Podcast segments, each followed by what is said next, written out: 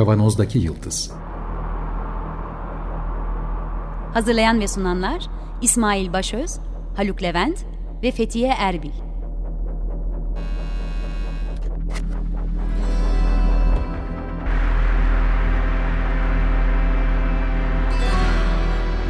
Bugünün penceresinden geleceğin ayak izleri. Merhabalar Açık Radyo'dayız. 95.0 Kavanoz'daki Yıldız programında sizlerle beraberiz. Geleceğin ayak izlerini sürmeye devam ediyoruz. Ee, bildiğiniz gibi birkaç haftadır tıptaki geleceğin bir parçası olan kişiselleştirilmiş tıp ya da hassas tıp diye adlandırdığımız e, alandan bahsediyoruz. Haluk burada. Merhaba. Ben İsmail ve konumuz yine sağ olsun bizimle birlikte olduğu için doçent doktor Ahmet Uludağ. Hoş geldin. Merhaba.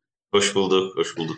Doktor Ahmet Uludağ tıbbi genetik uzmanı. Birkaç programda beraber yapacağız gibi gözüküyor e, keyifle. Geçen hafta genel bir konuşma yapmıştık. Bu hafta neler konuşacağımızı, hangi yoldan gideceğimizi e, Ahmet senden dinleyelim. Ee, geçen hafta biraz daha kansere eğilmiştik. Özellikle kişiselleştirilmiş tıptaki e, kanser hastalığındaki uygulamalara biraz daha değinmiştik. Çünkü kanser e, bir kere ne olursa olsun genetik bir hastalıktı ve herkesin kanseri de birbirinden ayrı aslına bakacak olursak.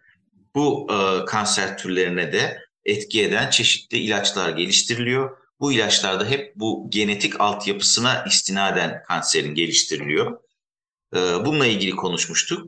Bu hafta artık hani biraz daha hastalıktan çıkalım diye e, düşünüyorum. Daha hasta olmadan neler yapabiliriz? Precision Medicine'ın aslındaki en önemli ayağı preventif kısmı. Yani hastalıklardan korunma kısmı daha hastalık ortaya çıkmadan nasıl korunabiliriz? Bu korunmada genetiğin rolü nedir?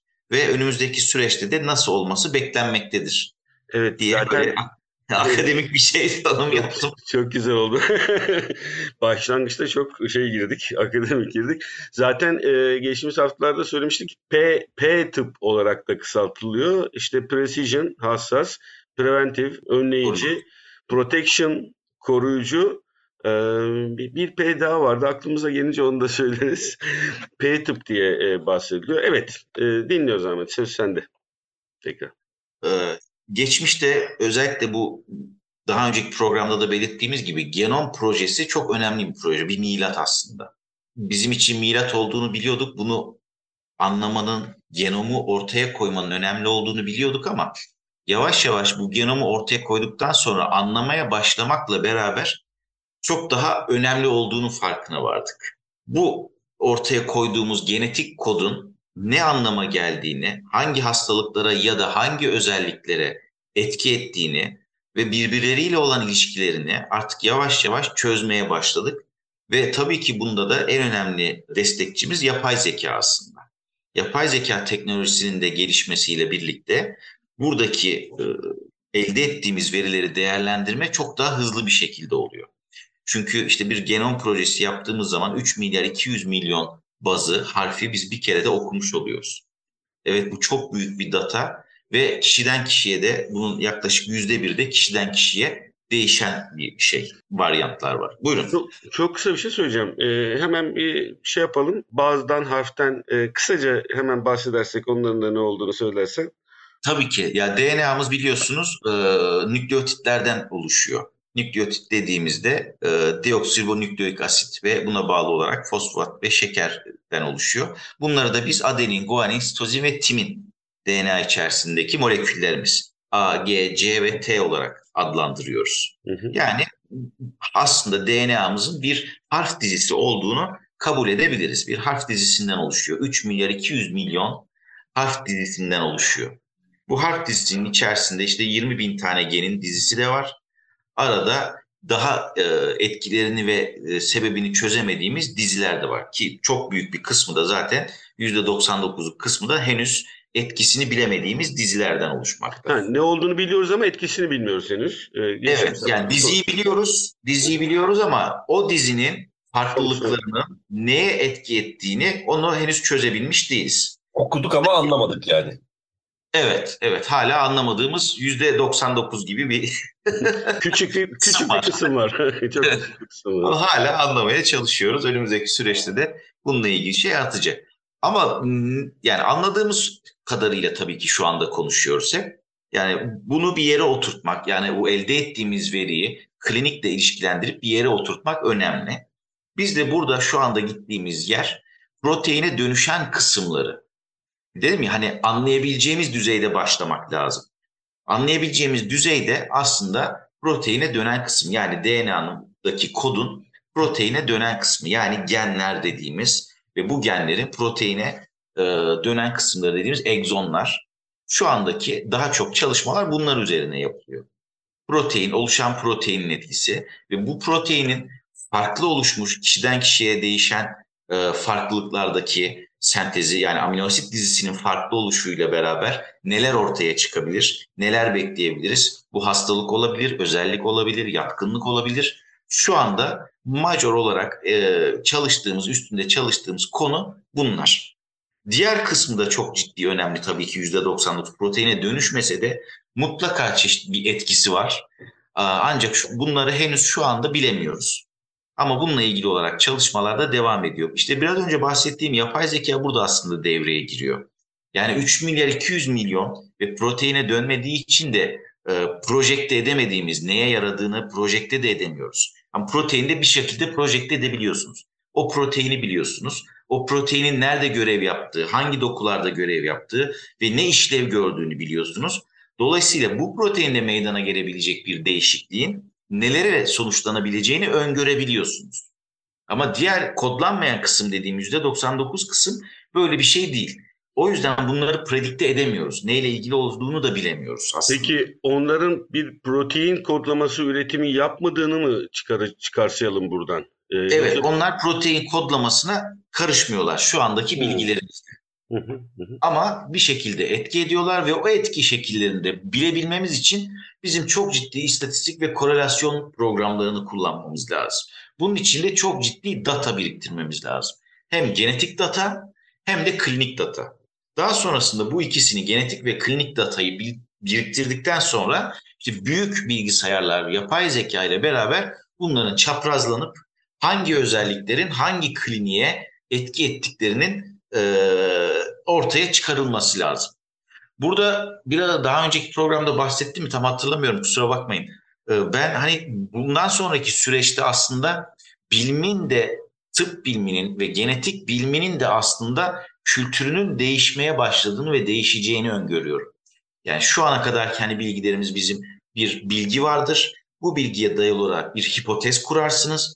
Bu hipotezi test edersiniz. Daha sonra eğer doğruluyorsanız hipoteziniz doğrudur ve bunu yayınlarsınız. Doğrulamıyorsunuz bu da bir değerdir. Bu hipotezi doğrulamadığınızda bir değerdir bunu yayınlarsınız. Bilim kültür olarak bu şekilde ilerliyordu şimdiye evet. kadar. Ama önümüzdeki süreçte bunu yapmak çok mümkün değil. Biraz önce bahsettiğim gibi e, protein dönüşü olmadığı için bir kere öngörümüz yok. Bir hipotez kuramıyoruz açıkçası. Hmm. Çok afaki hipotezler artı datamız da çok fazla olmadığı için kurduğumuz e, hipotezlerin de e, onaylaması çok zor oluyor. Bu nedenle genetik de özellikle önümüzdeki süreçteki bir kültür şu şekilde olacak. Büyük data, bu data ile ilgili olarak klinik de büyük bir data, klinik ve kişisel verilerle büyük bir data. Bu büyük dataların belki çevresel faktörler de gene bir big data olarak, büyük data olarak gelecek. Bu elde ettiğimiz büyük dataların kendi içerisindeki korelasyonları, birbiriyle olan ilişkileri hiç randomize bir şekilde büyük bilgisayarlar tarafından randomize bir şekilde irdelenip daha sonrasında sonuçlar ortaya çıkacak ve biz o sonuçları yorumlayıp o sonuçlar üzerinden yani o sonuçları bir hipotezmiş gibi değerlendirip o sonuçlar üzerinden ilerlemeyi e, geliştireceğiz gibi benim bir fikrim var. Önümüzdeki süreçte göreceğiz bakalım. Klinik data derken de bir altını e, hemen çözeyim. Yani yanlışsam düzelt. E, klinikte gelen semptomlar, tanılar evet. Yani şu ana kadarki deneyimlerimizle tıp dünyasının evet. şu ana kadarki deneyimleriyle e, ortaya çıkardığı bilgilerden bahsediyoruz. Ölçülebilir ya da ölçülemeyen dediğimiz. Evet, semptomlar, tanılar vesaire. Kişisel bilgileri, tanımları, e, tıbbi kayıtları. Evet. Evet. özellikleri gibi şeyler. Peki aldık ne yapacağız? Nerelerde kullanmamız gerekiyor bildiklerimizi peki bundan sonra? Evet yani en azından şimdi bildiklerimizle gidelim. Şu anda bildiklerimiz neler? Ee, yaklaşık 20 bin tane genimiz olduğunu biliyoruz. Bu genlerin proteine çevrildiğini biliyoruz. Non-coding genler de var ama hani onlar biraz daha istisna. Bu proteine çevrilen genleri, proteinle ilgili olarak bilgilerimiz var. Proteinlerin nereden, hangi dokularda e, aktif olduğu, sentezlendiği. Ve daha sonrasında da bunların klinik etkileri, önümüzde hastalıklar ve özellikler var. Bu genlerle ilgili olarak. Şimdi biz bunların bildiğimiz şeyler bunlar. Ve şu anda ilerlediğimiz rutin olarak, precision medicine olarak ilerlediğimiz şey de bu etkilerden ilerliyoruz. Bunlar bizim nasıl işimize yarıyor? Bu etkileri, bu proteinlerin etkilerini öngörerek birincisi hastalıkları, bir takım hastalıkları, genetik hastalıkları tanımlayabiliyoruz. Mesela kistik fibrozis, mesela işte SMA dediğimiz hastalıklar. Mesela diğer kas distrofileriyle ilgili hastalıklar. Şimdi bunlar hastalık boyutunda olan şeyler. Biz bunların tanılarını hastayken bunların tanılarını koyabiliyoruz. Bir adım öne geçip henüz anne karnındayken bunların tanılarını koyabiliyoruz. Ondan sonra bir adım öne geçip taşıyıcılıklarını ortaya koyabiliyoruz. Hasta çocuk oluşmadan önce bunların taşıyıcılıklarını anne babadan bakıp taşıyıcı ebeveynleri ortaya koyabiliyoruz. Ve bunları tüp bebek e, teknolojisiyle tüp bebeğe yönlendirip sadece sağlıklı çocuk sahibi olmalarını ortaya koyabiliyoruz.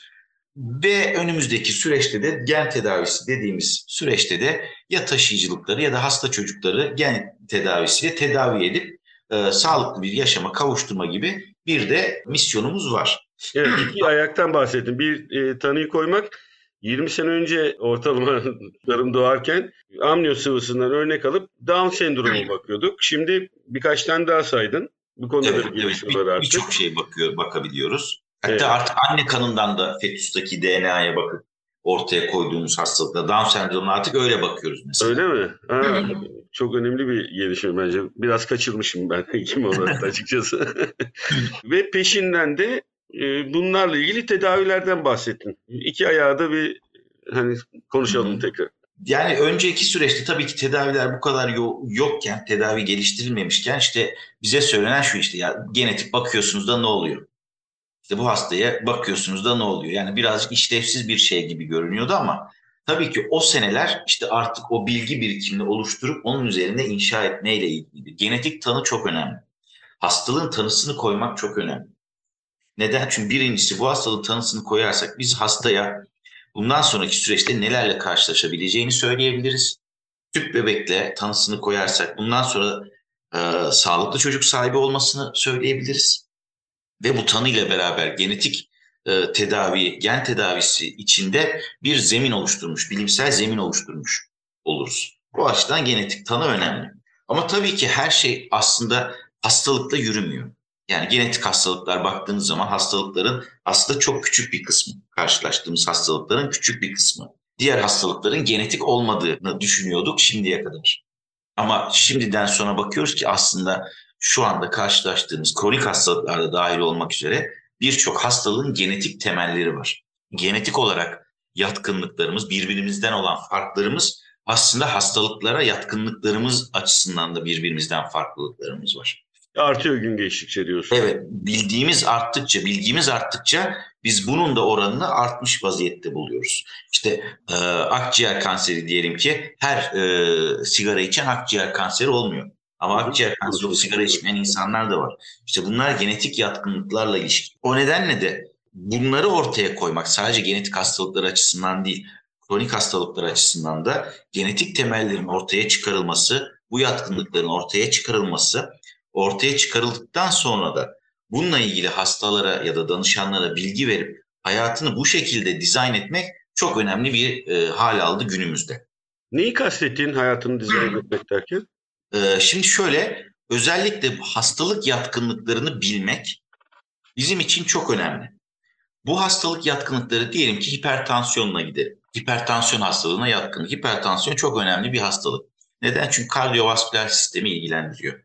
Ondan sonra nefrotik sistemi ilgilendiriyor böbreklerle ilgili. İşte göz gözümüzü ilgilendiriyor. Bununla birebir e, ilişkilendirilen bir hastalık. Hepsinin altyapısında e, ilerleyen yaşlarda hipertansiyon geliyor. Biz eğer hipertansiyonu kontrol edebilirsek önümüzdeki süreçte bu sistemlerin de etkilenmesini minimal düzeye indirmiş olabiliriz. Çok daha uzun ve sağlıklı yaşamasına sebep olabiliriz insanların. Bunu sağlayabiliriz. Ama bunun için tabii ki hipertansiyonu birincisi tanısını koyması lazım. İşte Dünya Sağlık Örgütü'nün kriterleri var.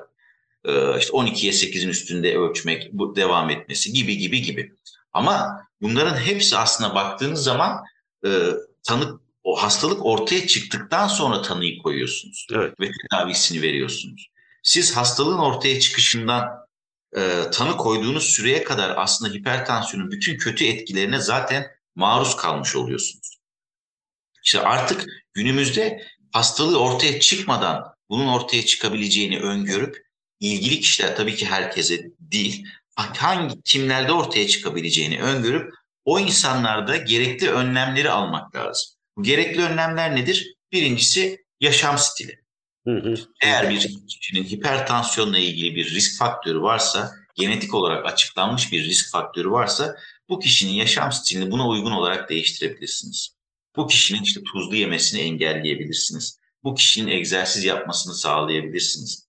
Bu kişinin çeşitli supplementlerle özellikle damar direncini, damar esnekliğini geliştirmesini sağlayabilirsiniz. Ve böylece bu kişi artık hipertansiyon hem bunun farkındasınız, bu kişinin hipertansiyon riski olduğu için kontrollerinizi sıklaştırdınız, daha erken tanıyı koyabilmek için. Hı hı. Hem de zaten bu tanının ortaya çıkmasını e, geciktirebilirsiniz. Böylelikle de diğer sistemlerin bu hastalıktan, hipertansiyondan minimal derecede etkilenmesini sağlayabilirsiniz. Burada ortaya çıkıyor ve burada e, biz artık belli kronik hastalıkların, birçok kronik hastalıklara yatkınlığı genetik olarak ortaya koyabiliyoruz. Yaptığımız testlerle, genetik testlerle bunları ortaya koyabiliyoruz ve buna göre de dizaynı, hayat standardı dizaynını yapabiliyoruz. Peki olası ki kistik fibrozis ya da Down sendromu gibi şeyleri e, önden belirledik. Hatta embriyo oluşmadan da mümkün mü bunları tespit etmek? E, yatkınlığı vesairesi? Şöyle hastalık bazında, genetik hastalık bazında gidersek ebeveynlerdeki taşıyıcılığı tespit edebiliyoruz zaten. Peki. Burada bu öngörüyü yaptık. Tedavi ya da müdahale her neyse bunun adı. Buralarda gelişim oluyor mu genetik açısından? Mesela evet ya bu çocuğun kistik fibrozis olmasını engelleyebiliriz gibi bir gelişme var mı? Evet yani gen tedavisi gün geçtikçe gelişiyor. Ee, gen tedavisiyle hastalıkların, genetik hastalıkların tedavisi mümkün hale geliyor. Şu anda birçok çalışma var bununla ilgili. Ben ben bir şey sorabilir miyim bu noktada? Buyurun. Bir dakika. E, gen tedavisi derken CRISPR temelli çalışma. Bazıları CRISPR temelli, evet. Bazıları egzozom temelli. Ondan evet. sonra bazıları da e, yine eski adenovirüs dediğimiz virüs temelli. Anladım. Bunları sonra konuşalım gerekirse başka programda. Evet Haluk başından beri dinledim yani oturtmaya çalışıyorum bir istatistikçi gözüyle. Şimdi anladığım kadarıyla tabii 20 bin tane harften oluşan bir gen dizilimini okuduk. Ama bunların ikili, üçlü, beşli, ellili, seksenli, yüzlü neyse kombinasyonları belli fonksiyonlar icra edebilir bunlar. Doğru mu anladım? Doğru. Dolayısıyla aslında izleyici de şaşırmasın burada. Hani 20 bin tane harfin sonunda, eninde sonunda fonksiyonel olarak tasarlanma ya da anlaşılması o kadar zor olmayabilir ama. Hocam harf 3 milyar 200 milyon da gen 20 bin tane. Gen 20 bin tane tamam evet. pardon. Evet, onu da düzeltelim. Bir de bunların kombinasyonları da e, çeşitlendirilince aslında neredeyse bugünkü teknolojiyle e, erişilmesi mümkün olmayan bir enformasyon setinden bahsediyoruz ve bunun işte o yüzde bir bu, burada anlam taşıyor. Yani bizim yüzde bir aslında çok önemli bir gelişme yani çok büyük bir adım teknolojiyi düşünecek olursak, bugünkü bilgi düzeyimizi düşünecek olursak. Şimdi tabii bir de nedensellik meselesinde işin içine giremiyoruz anladığım kadarıyla çünkü bilgi setimiz tam değil. Yani şundan dolayı bu ortaya çıkıyor, bundan dolayı şu ortaya çıkıyor diye bir şeye de giremiyoruz. Çeşitli istatistiksel yöntemlerle bir takım e, girdiler ve çıktılar arasında bağ kurmaya çalışıyoruz. Yani tipik teşhis yaklaşımı aslında. Değil mi? Elimizdeki kataloğa göre semptomlar belli. O katalogla semptomlar arasındaki bağı kurarak bir, bir teşhis koymak gibi bir şey bu mu? Öyle yani hastalık bazında gidersek, genetik hastalık evet. bazında tanımlanmış genetik hastalık bazında gidersek aslında o konu biraz daha rahatız o konuda. Çünkü bir hastalık var. Bu hastalığa etki eden bir gen var. O gendeki mutasyonları ortaya koyduğumuz zaman biz hastalığın tanısını koymuş oluyoruz. Ama bütün hastalıklar bu şekilde genetik bir yüzde yüz genetik hastalıklar değil. Değil. Çevresel faktörlerle de ortaya evet. çıkan özellikle kronik hastalıklar var. Tabii. Bunların genetik altyapısı da var, çevresel faktörler de var. Ama de var, şu da var. Dolayısıyla aslında o enformasyon setini bir de çevre Aynen öyle. genişletiyoruz. Evet. Ama halen biz semptomlarla hastalıklar arasında bağ kurmaya çalışıyoruz. Bunun nedenlerine doğru inme imkanımız yok şu an için. Dolayısıyla aslında bir black box'tan bahsediyoruz. İstatistiksel terim olarak konuşacak olursak. Yani bir kutu var, o kutunun içerisine giren inputlar var, bunu gözleyebiliyoruz. Output'lar var, onu da gözleyebiliyoruz. Kutunun içerisinde ne olup bittiğini bilemiyoruz. Elimizde yeteri kadar şey yok. Ama bu giren çıkan arasındaki bağdan yola çıkarak da bir hayli şey yapmak mümkün. Tedavi anlamında ya da işte erken teşhis anlamında falan bunun peşinde koşuyor durumdayız. Ama bir de tabii bunun olasılık meselesi de var. Değil mi? Yani sonuçta o inputlarla outputlar arasında bağ kurmak belli istatistiksel ki bu istatistiksel bilgi araçlarımıza da ya da işte toolbox diyelim e, elimizdeki istatistiksel araçlarına da çok eleştiriler e, yöneltiliyor şu bu falan. Bir de kesinlik yok haliyle istatistik olduğu için. Yani sürekli olarak belli varsayımlar altında Üstelik de bir kısmı sübjektif de olabilir bu varsayımların. İstatistikte çok var çünkü o tür şeyler. Yine az çok güvenilir kabul edilen e, düzeylerde bir e, sonuca varabiliyoruz. Dolayısıyla az çok bir hata payı barındırabilir hali hazırda bu. Bu önümüzdeki yeni bilgilerle de bunun dönüşmesi mümkün olacaktır diye düşünüyorum. Dolayısıyla burada aslında işte machine learning ya da makine öğrenmesi, e, bu random forest denen işte neural, neural network gibi yaklaşımlar. Yani bunlar e, aslında temelde gruplamaya dayalı şeyler. Yani o gruplara yani neden sorusunun sorulmadığı, nasıl sorusunun etrafında daha çok e, dönülen meseleler. Dolayısıyla bu açıdan da aslında işin çok başında olduğumuzu yöntem, kullandığımız yöntemlerde zaten ifade ediyor gibi anladım. Doğru anlamışımdır umarım. Yok tamamen doğru dediğiniz gibi. İşte burada da o şey ortaya çıkıyor. Genetik hastalık, bir gen, bir mutasyon, bir hastalık. Bunlar en basit olan şeyler. Ama o ikinci bahsettiğiniz işte o toolbox'larla ortaya konmaya çalışan şey e, yatkınlıklar. Bazı hastalıkları da bazı faktörlerle yatkınlık oluşuyor. Ve bu yatkınlıklar kişiden kişiye de değişiyor. Sizin osteoartrit yatkınlığınızla benim osteoartrit yatkınlığım aynı değil. Mesela İsmail Bey'in obezite yatkınlığıyla sizinki aynı değil. Aynı besinleri yeseniz bile biriniz olabilirsiniz, biriniz olmayabilirsiniz. Ama hanginizin olacağını da net şu değişim nedeniyle olduğunu da söyleyemiyoruz şu andaki bilgilerimizle. Ama e, bir yüzdeye vurduğumuz zaman, istatistiksel olarak baktığımız zaman çeşitli faktörlerin belli oranlarda etki ettiğini bilebiliyoruz. İşte biz bu oranları toplayıp bu yatkınlıkları elimine etmek istiyoruz. Özellikle son dönemde çalıştığımız konu bu. Bu yatkınlıkları bilip bu yatkınlıklara uygun bir şekilde hayatı dizayn edip hayat stilini değiştirip o şekilde daha uzun ve daha sağlıklı yaşamasını istiyoruz insanların. Yaptığımız şey tamamen bu aslında. Evet. Ee, bir yerde gözme çarpmıştı. Mesela otizmle ilgili 20'ye yakın, otizmle ilişkili 20'ye yakın genden bahsediliyor ama hangisinin nasıl bir fonksiyon olduğu da tespit edilemiyordu. Bunların zaman içerisinde yine e, bu tür yapay zekanın da yardımıyla kliniklerinde datalarında artmasıyla daha kesin sonuçlara doğru gidileceği görülüyor anladığım kadarıyla. Kesinlikle otizm de aynı gene multifaktöriyel hastalıklardan bir tanesi. Hem çevre hem genetik ve bilmediğimiz faktörler yine işin içerisinde. Genetik olarak e, olan otizm, otizm hastalıkları da var. Tamamen genetik olan tamamen çevresel olduğu düşünülen hiçbir genetik altyapısı bulunamayan türler de var. Bunları değerlendirmek önemli. Ee, burada işte aslında şu ortaya çıkıyor. Biz genetikçilerin biraz hani iğneyi kendinize çuvaldızı başkası. Biz genetikçilerin aslında burada biraz daha çağdaş düşünmek, e, flexible düşünmesi gerekiyor. Yani aslında baktığınız zaman hastalık dediğimiz kavramlar bize şimdiye kadar hani eğitim modellerinde, genetik modellerinde hep kalıplar şeklinde öğretildi. İşte otozomal resesif hastalık, her iki alelde de mutasyon varsa ortaya çıkan ya da otozomal dominant hastalık, bir alelde hastalık varsa o zaman ortaya çıkabilen hastalıklar mesela. Tamamen bu gruplar. Aslında tamamen böyle değil. Yani büyük oranda böyle olabilir ama bir de gri zonlar var. Yani bazı otozomal dominant hastalıklar mesela penetrans kavramı var. Mutasyon olsa da hastalık ortaya çıkmayabiliyor. Hı hı. Otozomal resesif hastalıklar tek bir mutasyon olsa da bazı durumlarda e, hastalığın ortaya çıkabildiğini ya da hastalık değilse bile bir yatkınlığın, bir özelliğin ortaya çıkabildiğini görebildiğimiz durumlar var. Bu gri bölgeler aslında çok fazla var. İşte bir noktada da precision medicine'da biz bu gri noktaları da değerlendirmeye alıyoruz.